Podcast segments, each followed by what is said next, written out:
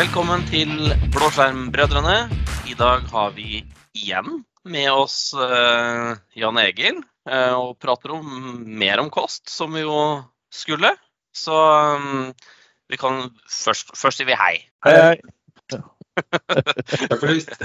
Um, så tenkte jeg bare å nevne kjapt de tingene som vi, som vi gikk gjennom uh, forrige gang. Um, vi prata litt rundt um, cost analysis og på en måte hva du, hva du kan se inne i det grensesnittet i Asher-portalen med drill down og sånne ting. Vi nevnte en Power BI som sånn sett benytter samme eh, grunnlaget og har en annen representasjon av de samme dataene. Eh, vi nevnte cost alerts og budgets, som kan gi deg beskjed når kost overskrider terskelverdier og sånne ting. Eh, vi prata om eh, commitment, hvor du kan da si at du vet hva, jeg kommer til å bruke 100 terabyte eh, noen år framover, så det kan jeg bare committe til å betale med en gang. Eh, vi snakka om eh, reservations, Um, hvor du kan si at vet du hva, jeg må ha i hvert fall 40 sånne her VM-er i det neste året. Så det er jo på en måte reservations og commitments er jo mye av det samme. Og vi snakka en del rundt um,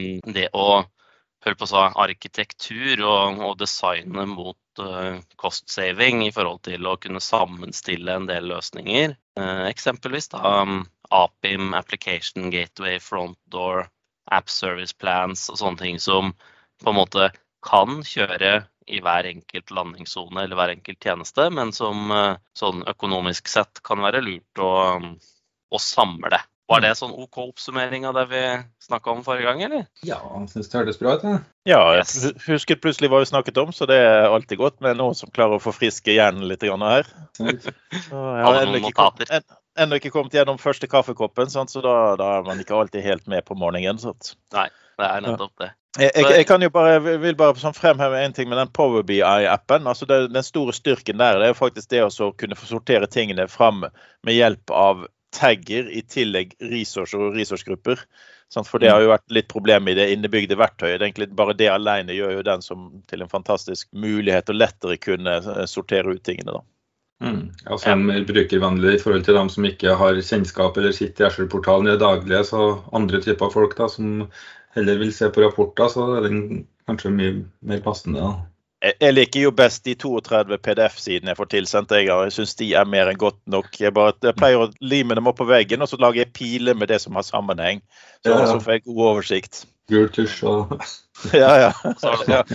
Har du sånne nåler med sånne rød tråd mellom, sånn så det Ja. virkelig får detektiv eh, Jeg har jeg har enfarget sånn markørpenn for hver uh, researchgruppe vi har, og vi hadde jo bare Mm. 832, så det, det funker fint.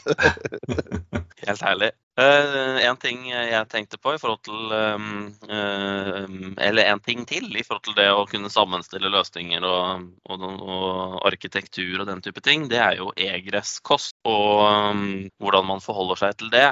For um, det er jo typisk sånn her at det er veldig billig å fyre data ut i Asher. Det er stort sett alltid gratis.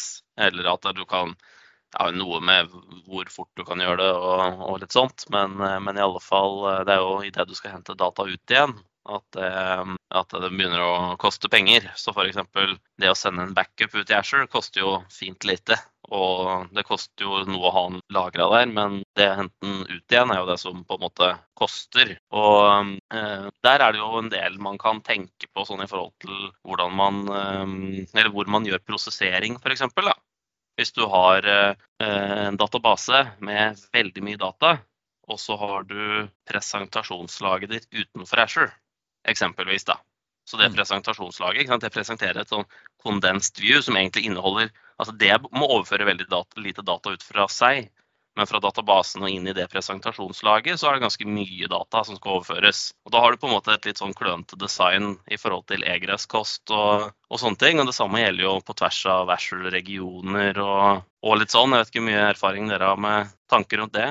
Et eh, poeng som kanskje er viktig å få med seg der, det er, det er at det er mellom eh, availability zones. eh, fra 1.7 så vil jo du måtte betale for data mellom eh, availability zonene dine i samme region. Eh, så, så da kan man faktisk komme i tilsvarende som du snakker om nå, men faktisk at du tror at du har det, på et, du har det i én region.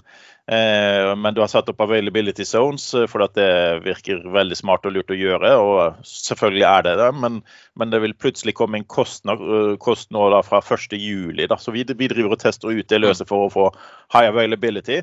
Eh, og, og, du tenker innenfor samme region er greit, for da kan du ha tre datasentre som eh, mest sannsynligvis ikke noe vil skje med alle de tre samtidig. Så du behøver egentlig ikke å gå fra region til region, sånn som man tenkte tidligere. da, At man, man ville hatt det.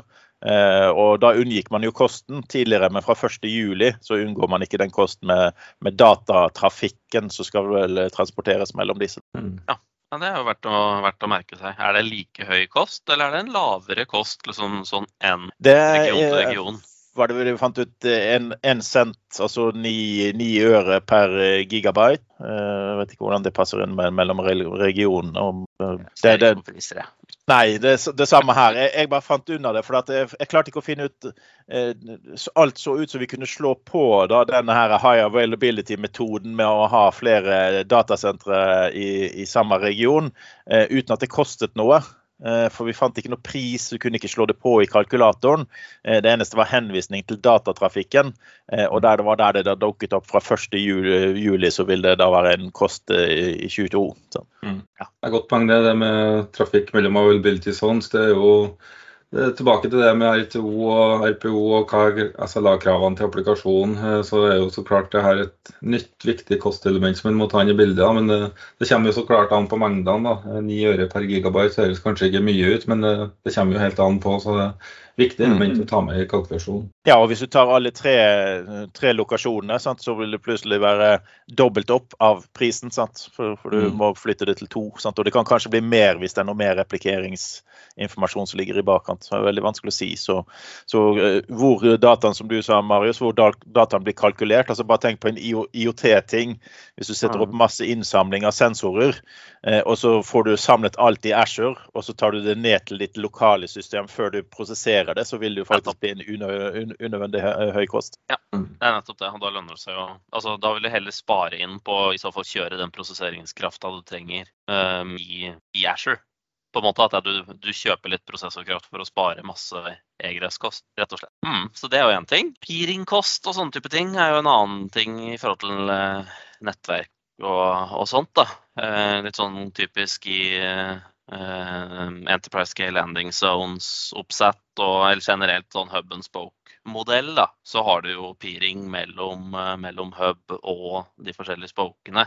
Og da er det jo sånn at Huben er jo på en måte den sentrale kall det sentrale nettet, som liksom har felles komponenter. Og så er jo spokene typisk um, forskjellige tjenester. De, de, kjører ute der, da, og er heller Altså innholdet i spokene styres gjerne av utviklere eller forskjellige sånne ting. Men um, um, hvis man skal f.eks. ha trafikk fra en spoke til en annen spoke, og det det er mye trafikk mellom de, så vil man jo på en måte ha peering to ganger. Både da mellom spoke til hub og fra hub til den andre spoken. Så på en måte det det å se litt på trafikkmønstre og sånt der også kan jo mm, være hensiktsmessig for å vite litt hva som egentlig kommuniserer med hverandre. Så man ikke har eh, Det er jo egentlig det samme ikke sant? som som det vi prater om mellom regioner og mellom availability zones, bare her mellom V-ene. Mm. Det ligger vel litt av dette i informasjonen i den uh, frameworken uh, til Asher ja. også. Ja. Så, så, det kan være veldig lurt å ha gått gjennom den for å få med seg alle disse små, små nyansene som er lett å glemme. For at summer uh, er jo veldig lave som oftest når, når, man ser dem på en prisliste.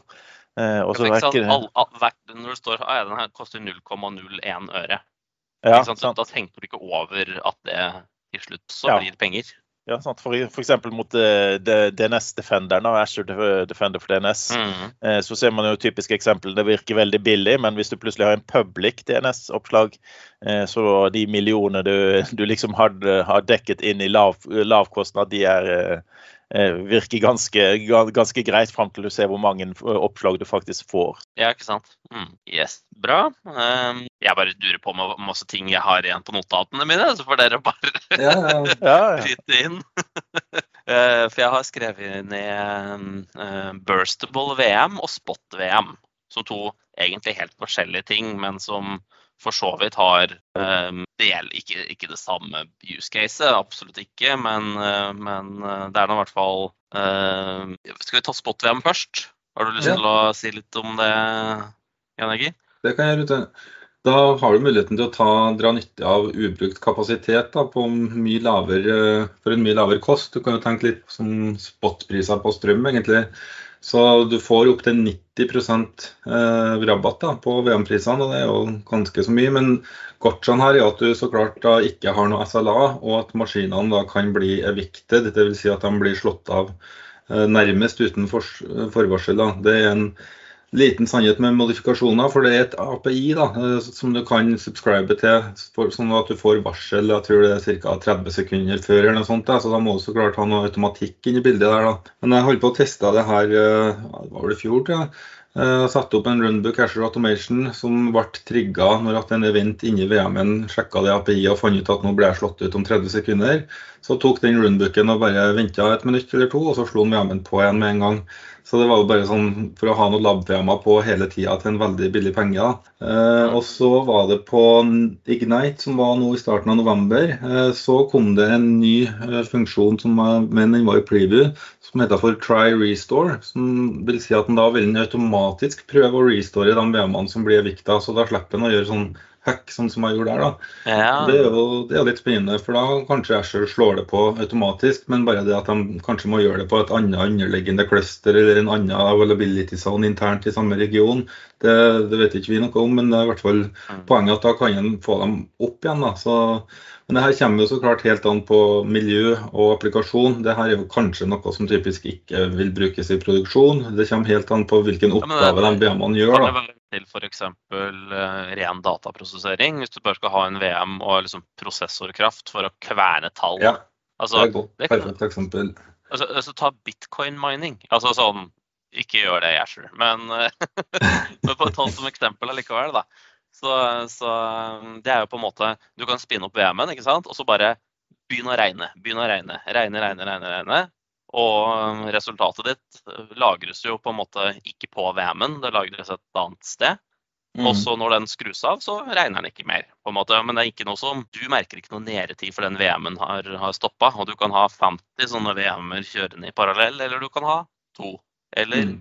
1000, på en måte. Og, um, så det er altså hvis du har på en måte et enten mål om bare å ha Du trenger prosessorkraft for å, du ønsker å bli ferdig i løpet av en ukes tid, liksom. Eksempelvis, da.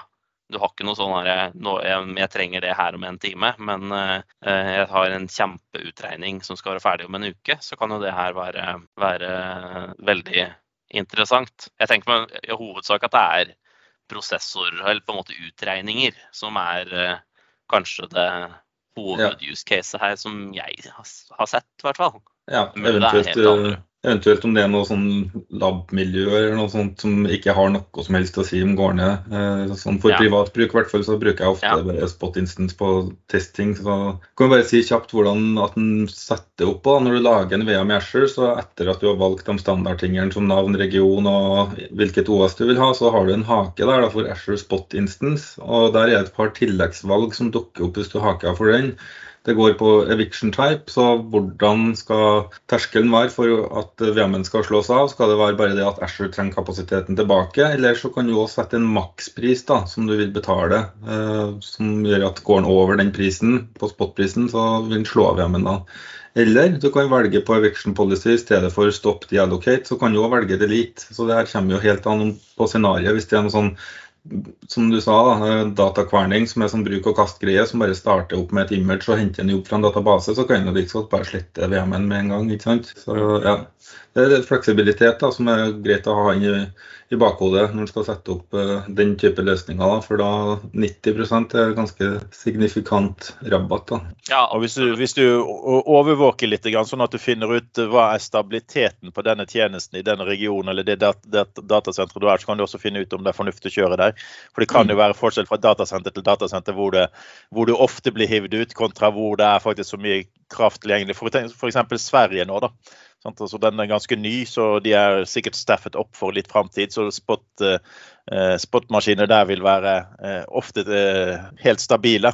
Eh, men over tid så vil det faktisk gå ned. Så jeg tror det er også viktig å være klar over det at eh, selv om du ser et mønster, så kan det mønsteret endre seg av forskjellige grunner. Og Microsoft krever eh, ressursene selv, eller andre kunder krever det. Så det er greit å ha litt, sånn, litt oversikt. Det hadde vært kjekt faktisk om noen lagde en webside med den typen informasjon da, som man kunne sett på. Ja, det finnes jo et API for å hente ut det her. Jeg har faktisk sett noen Power BI-rapporter for det.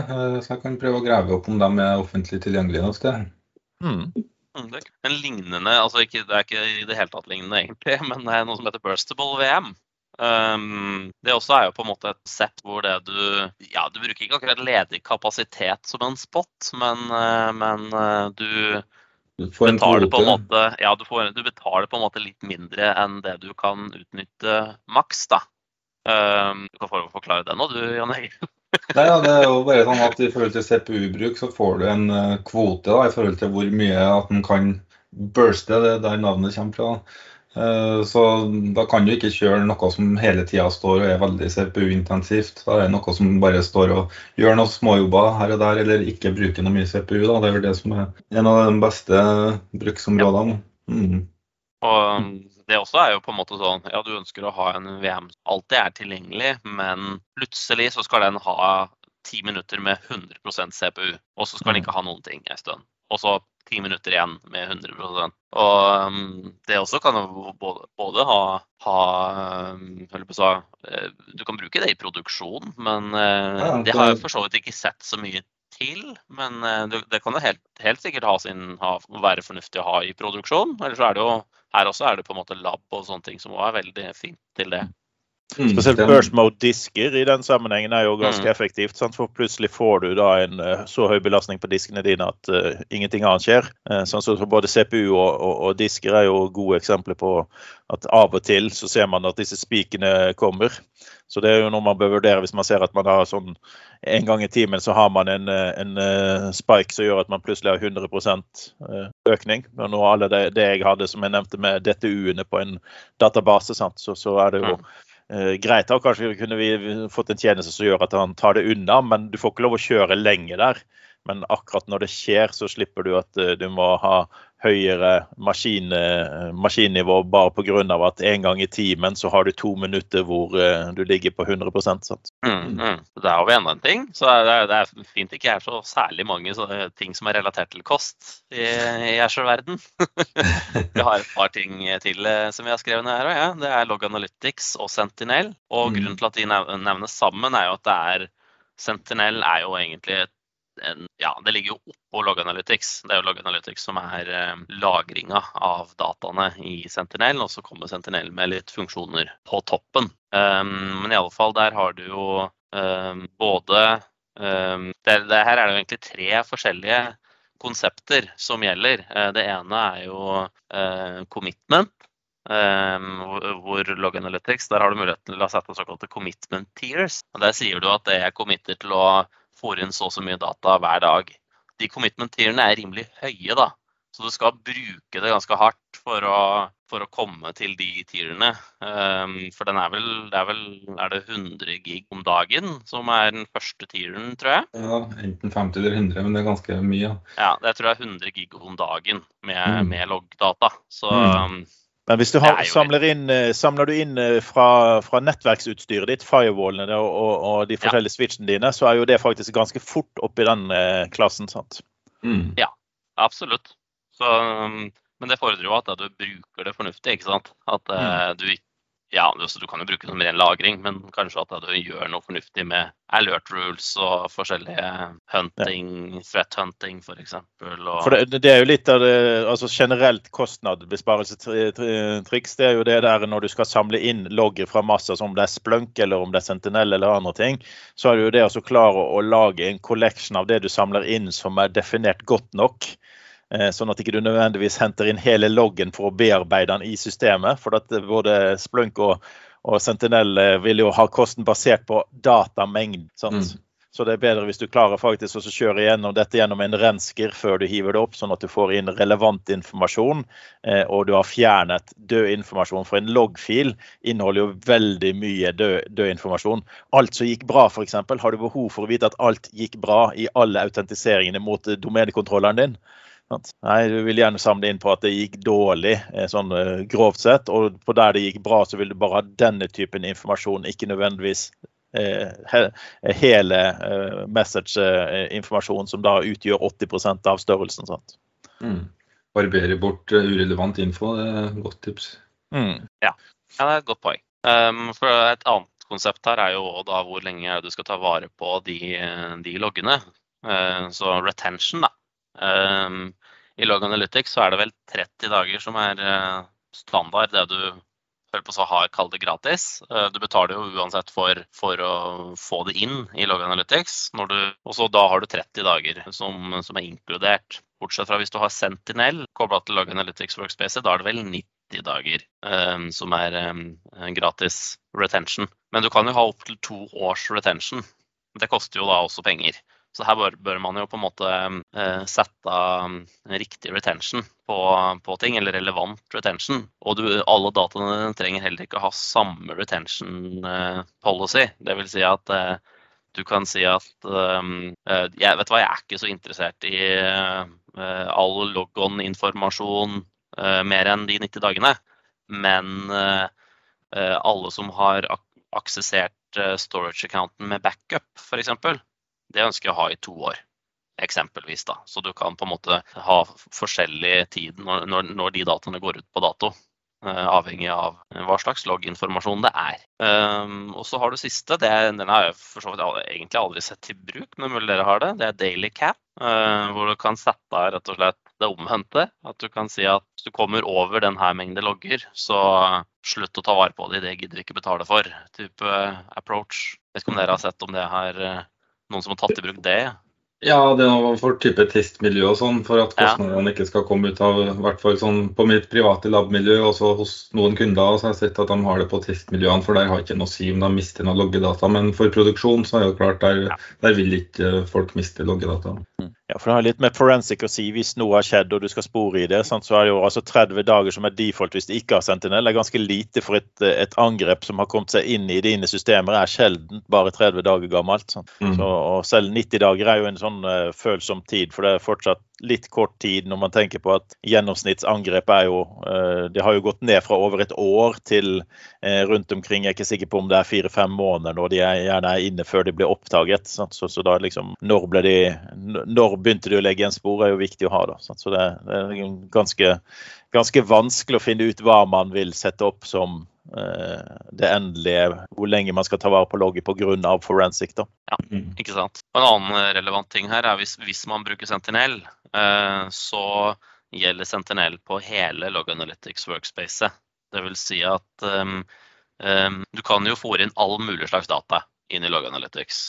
Um, hvis du da fòrer inn uh, masse data inn i Log Analytics som du ikke egentlig bruker Sentinel-funksjonalitet på, så vil det lønne seg å heller fyre det inn i et separat Log Analytics workspace, for da slipper du kosten på toppen av på Sentinel-prosesseringa. For det koster sånn er det 50% mer eller noe sånt nå enn eh, vel på toppen av eh, Log Analytics. Også et tips som jeg viste av eller snakka om på MVP-dagen i den sesjonen jeg hadde der, det var det her med at det finnes noen workbook, så jeg kan lime inn et par skjermbilder i chatten her. Mm -hmm. som har med analyse av innhold i Log Analytics Workspace. Da. Så da kan du se på tabellnivå, f.eks. VM Heartbeat, hvor mange entries, hvor, hvor, stor størrelse har den. Du får, tabell, du får grafer over tid, da, hvilke tabeller som vokser på hvilket tidspunkt. Så du kan grave litt dypere da, i hva er det som konsumerer ting her. F.eks. grave ned i eventloggene og se litt mer detaljer enn det du gjør i standardviewet kan du si, i portalen. Altså, vi kan lime inn en link som har litt uh, demoer som er vist kanskje på MVP-dagen, som bl.a. inneholder denne workbooken. Da, så kan folk teste den ut hvis de ønsker det. Mm.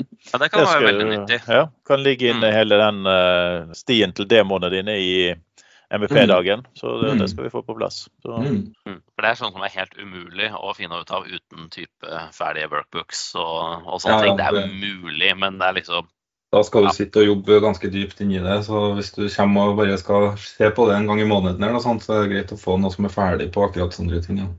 Mm. Ja. Det er jo det som er litt av utfordringen vår. Vi er sjelden noen som sitter veldig dedikert med de forskjellige områdene her. Så det gjør at eh, du, du skal liksom holde øye med dette her samtidig som du gjør de vanlige tingene dine. Så det, så det å ha kostkontrollen er ganske tøff, for det er en, nesten en månedlig ting når du får tilsendt regningene.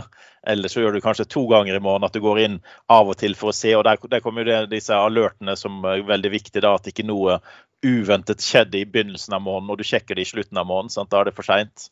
Mm. Så, så, det er viktig at man har det re relativt ofte. Eh, men det er samtidig vanskelig, for det er sjelden primærfunksjonaliteten til noen å sitte og følge med på kostnaden. Sånt. Mm. Eh, apropos det demoen, så kan jeg nevne kanskje to av dem. Vi får jo ikke vist det så klart, men jeg kan jo bare nevne det. Eh, en av dem det var det der med start-stopp av VM-a basert på tags. Så i den linken som blir lagt inn eh, i beskrivelsen, så er det ett skript som heter Invoke Asher VM Uptime Policy.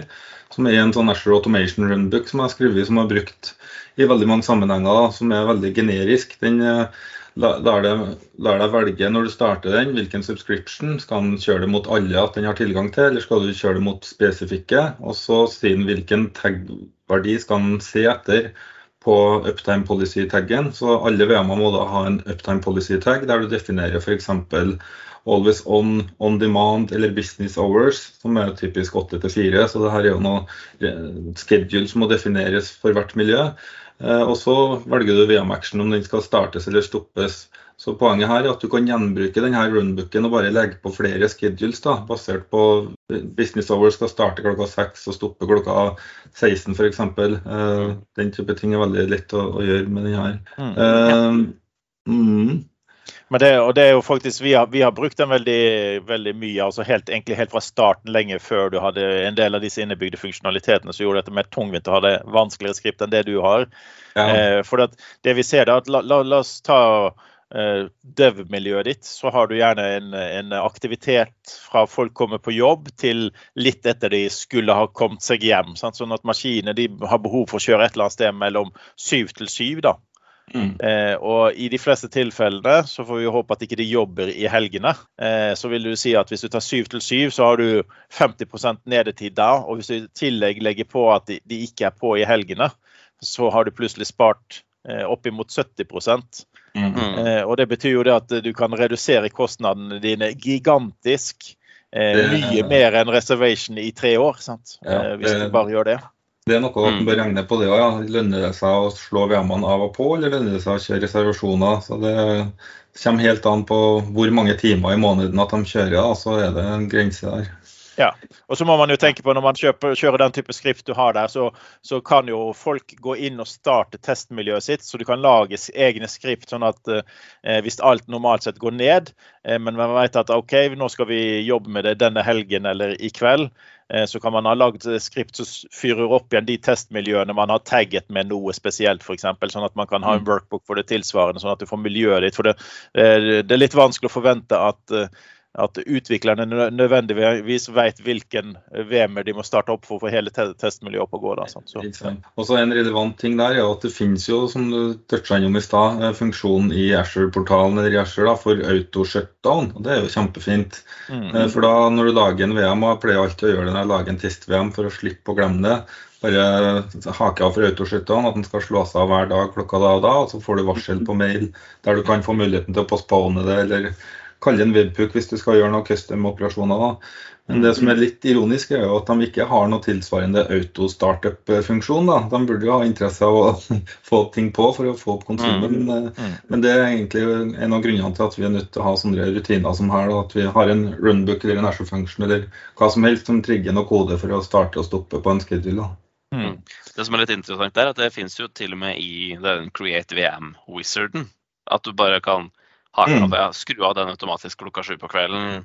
på en måte. Så det er veldig lagt opp for at du skal skru ting av. Så... Mm. Men du har et sted, nå klarer ikke jeg i hodet mitt å huske det, men du har den der, du har det der testmiljøet holdt Labs. Ja, Webtest Labs, hvor du faktisk kan si shutdown og startup time. Mm. Så vi ser jo at det er noen steder, men det er ikke overalt. Og du vil jo ikke lage, legge ting, alle tingene dine nødvendigvis inni der, men, men, vi ser at funksjonalitetene er der, men det, de har faktisk ikke implementert det. Mm. Men vi, vi, har jo snakket om eh, ganske mye om for å spare penger, så har vi faktisk snakket ganske mye om at vi har emulert det eksisterende vi har eh, tidligere gjort eh, i, på våre VMV-kløstre eller HyperV-clusteret. Mm. Eh, en av de største besparelsene må jo være å bli kvitt alle disse VM-ene. Det er, ja, det er et veldig godt poeng. det er jo òg gjerne noe som er scope etter et migreringsprosjekt. fordi Ofte ser vi at kundene vil bare kjøre lift and shift for å få ting ut pga. at kontrakter går ut. eller noe sånt, Men så er det gjerne fase to av en sånn skireise. Da det er jo å modernisere og legge om til å bruke f.eks. SQL Managed Instance i stedet for SQL i en VM. Så håndterer Microsoft kompleksiteten med å ha den highly available og cluster og alle de tingene under the hood. Så veldig godt poeng det. altså Azure Files f.eks. i stedet for eh, filserver. Det kan jo joines til Active Directory og bare aksessere det med en UNC-pat på helt vanlig måte. Mm. Ja, for det er jo egentlig det som er hovedtingen. det er at uh, Modernisering vil hjelpe deg. Altså, og da, da, har du ofte flere varianter. Det er det at du kan modernisere dine egne apper til å, å, til å kjøre i functions eh, og på webtjenester og, og, bli kvitt alt av infrastruktur i bakkant. Eh, og så har du også det andre man må tenke på. det at eh, Kanskje den ene SQL-serveren du har, og tre av disse serverne, de kjører en tjeneste du heller burde uh, kjøpt som en eh, software as a service fra leverandøren som har gitt deg disse serverne. Så, mm. og Spesielt det å flytte maskiner, eh, hvis du tar et helt regnskapssystem og bare flytter det direkte inn i Ashore som VM-er, så vil det mest sannsynligvis koste veldig mye kontra det du hadde av utgifter på det før. Eh, for du hadde utstyr, du hadde mer kontroll over tingene. Men det gir deg mange store fordeler. Men det å plutselig få dette som en SAS-tjeneste av leverandøren istedenfor å bli kvitt eh, Vi har sett det på, på, spesielt på økonomisystemer hvor det er veldig synlig, for at de er veldig ofte avhengig av to, tre, fire, fem, seks, syv servere. Mm. Veldig bransjeavhengig har jeg erfart. I hvert fall i mange bransjer der at det er custom programvare som ikke kan kjøpes som hyllevare, og som ikke er så lett å modernisere. Og så det er sånn Ofte så ender en opp med litt gammelt og litt nytt, ja, men uh, da er nå det fine at en har muligheten til å optimalisere litt på VM-a, som vi har snakka mye om nå. Mm. Men, eh, men, jeg har også et uh, annet tips for å spare penger. Nå bor jo jeg i Bergen, så vi får sjelden utnyttet gode gamledags harryhandling. Men er folk klar over at det er forskjellige priser på forskjellige datasentre? Ja, det er et godt poeng, faktisk. Ja. Mm. Mm. Det, det, er ganske, det, er vesentlig forskjell òg. Ja, jeg satt her, jeg var litt tyst en liten stund. Det var bare fordi jeg gikk inn og så fant jeg ut hva koster i Norway Is, hva koster en B12 MS. Eh, da med 12 kjerner, 48 gigram og 96 eh, temp storage. Så det er en relativt dyr maskin, men det er litt lettere å se eksempelet. I, I, Norway East så koster den 6 kroner og, og 12 øre i timen. Og det blir da 4467 kroner og 60 øre i måneden. Eh, hadde vi kjøpt den? Alle husker de tallene her nå? ja, ja.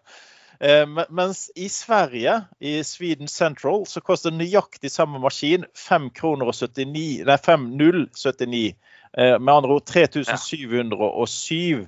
Så forskjellen er faktisk ganske dramatisk. Eh, og da tenker man er det harryhandel som er eh, besparelsen her? Er det derfor? Godt, godt poeng. det. Jeg regna faktisk på det der for en måned eller to siden for å sammenligne kosten på å kjøre jeg tror det var ca. 30 VM-er i West Europe kontra Norway East, da, bare for å få fingeren i været. Hva er forskjellen? Og Da var det jo en blanding av noen general purpose, noen E-series og var litt blanding av VM-størrelser, for forskjellene varierer jo litt. Men da fant vi ut at forskjellen var ca. mellom 10 og 15 da, dyrere i Norge enn i West Europe. Så det har vært interessant å sette opp det samme regnestykket mot Sweden, da, som du sa. Mm. Ja. Grunnen til Sweden er jo rett og slett fordi det er et nyere datasenter, så de har eh, optimalisert energiforbruket, som gjør at det er lavere kostnad. Mm. Men, men, det, men det, det, gir et annet nivå, føler jeg, i beregninger om hvor du skal ha tingene. For vi har jo tenkt skal vi flytte til Norge, eh, og så har vi holdt oss igjen i, i, de fleste tilfellene. Vi har noe flyttet, men ikke alt. Og da er det egentlig teknisk vi har tenkt, som er grunnen. Eh, men når man sitter seg ned her og så sier at ok, det er en 10-15% økning i pris for å flytte det, eh, da har vi i hvert fall ikke behov for å ta på oss høye utgifter med å migrere det over til litt dyrere eh, sted. sant? Mm. Nei, det kan være en vesentlig utgift, det. Mm. Og det gjelder jo ikke bare VM-er, det gjelder jo storage og forskjellige andre, andre ting også. Det er vel, jeg tror det faktisk er enkelte ting som er litt billigere i Norge enn i f.eks. West Europe også. Så det er, men det ser man i, på prislista. Mm. Det er det som er greit med kalkulatoren, men jeg tror de fleste Mm. har egentlig ikke tenkt over annet enn at de velger sin favorittsenter. Eh, Og så se på noe annet. Og Det er ikke sikkert det er fornuftig å gjøre det på den måten. For det kan være, eh, hvis du plutselig finner nå ut at ja, men Sverige er jo billigere, eh, så er ikke det sikkert det er fornuftig å flytte det over. For hvor lenge er det billigere, og Mm. hvor mye billigere er det, og hvor, hvor dyrere er det å migrere det over. Og så har du da latency og alle andre sånne type ting. da. Vi har jo ikke nevnt kalkulatoren ennå, da. Nei, sant? Så vi kan jo nevne den også. Eh, For der ligger jo på en måte Det er jo da pricing calculator. Eh, Det er jo bare Elbsa fra Microsoft. hvor du bare, Der kan du legge inn du, jeg skal ha fire storage accounts, og de er så store. Og jeg skal ha eh, 17 sånne VM-er og tre sånne databaser og sånt. Og de skal kjøre i den regionen, og det skal kjøre der og der, og, og slikt. Og det er klart, det er ikke alt som er like lett å beregne på forhånd, da.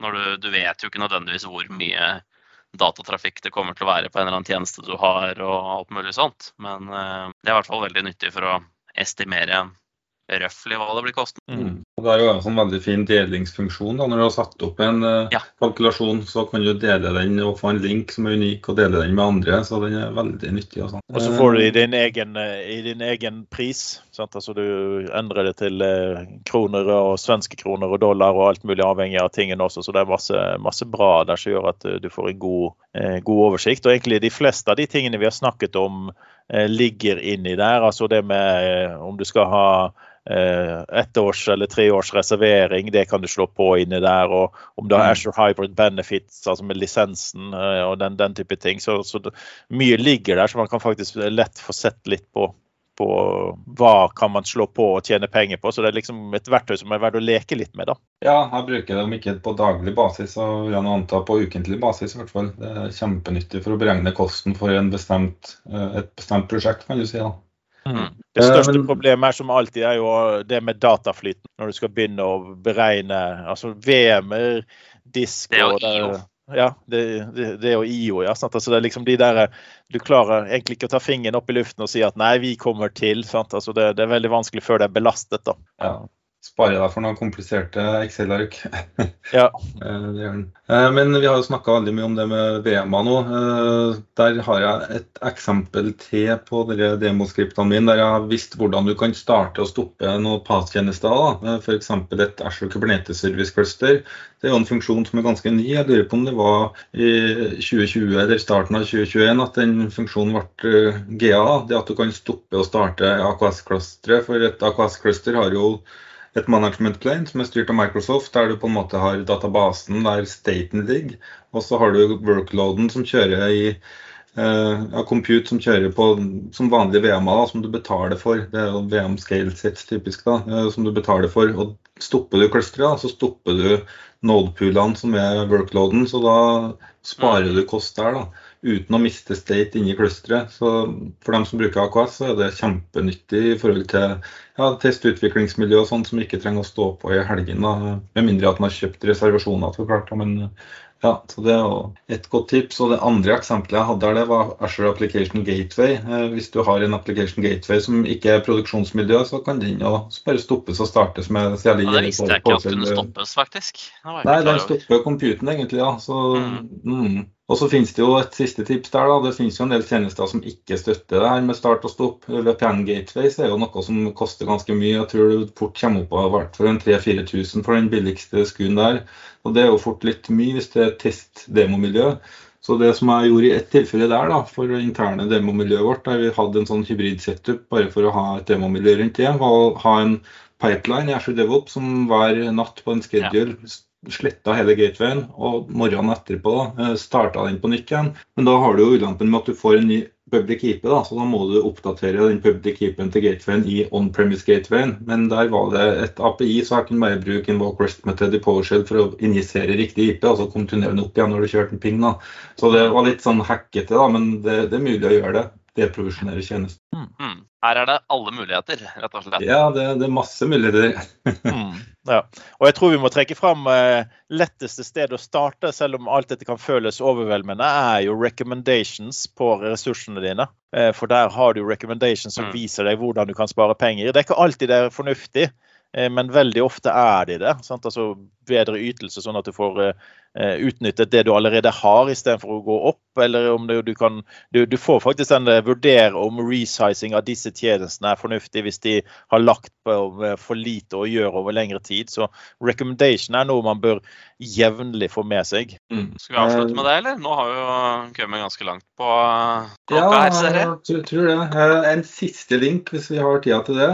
Hvis ja. noen trenger på en måte ett startsted for å komme i gang med alt vi har snakka om, så er det noe som heter for Cloud Economics 2.0, The FinOps Handbook, som er skrevet av en som jobber i Microsoft. Der går han gjennom hele, alle mulighetene som er, da, som vi har snakka om i forhold til reservasjoner, hybrid benefit, right sizing, VM-familier, alle de tingene der. Så det der vil jeg anbefale som en sånn Der starter du hvis du skal begynne å se hva som er mulighetene. Mm. Det blir jo som akkurat med første episoden, så kommer det til å ligge linker eh, i teksten på eh, podkastepisoden. Eh, sånn at man kan få informasjon her. Så det, det, er masse bra linker vi hadde sist gang, og det er en, enda flere denne gangen også. Så jeg tenker vi kan runde av der, Marius, gjør vi ikke det? Da runder vi av, det er jeg helt enig i. Ja. og Nå vil vi takke Jan Egil for at du kommer her og hjelper oss å spare penger. Du og Marius. Nå er det sånn at vi har sikkert ja, spart det, det, er bare, det ligger kontonummeret mitt, og vips nummer ligger i uh, beskrivelsen på podkasten. Så da, da, er det 10% av besparing. Ja, og hvis, hvis, det er lave summer, så er det 20 da, sånn at du faktisk ja. merker at du får noe inn. sant? Så, ja. Yes. Kjempebra. Ta, ta, takk skal du ha for følget denne gangen, gutter. Takk for invitasjonen.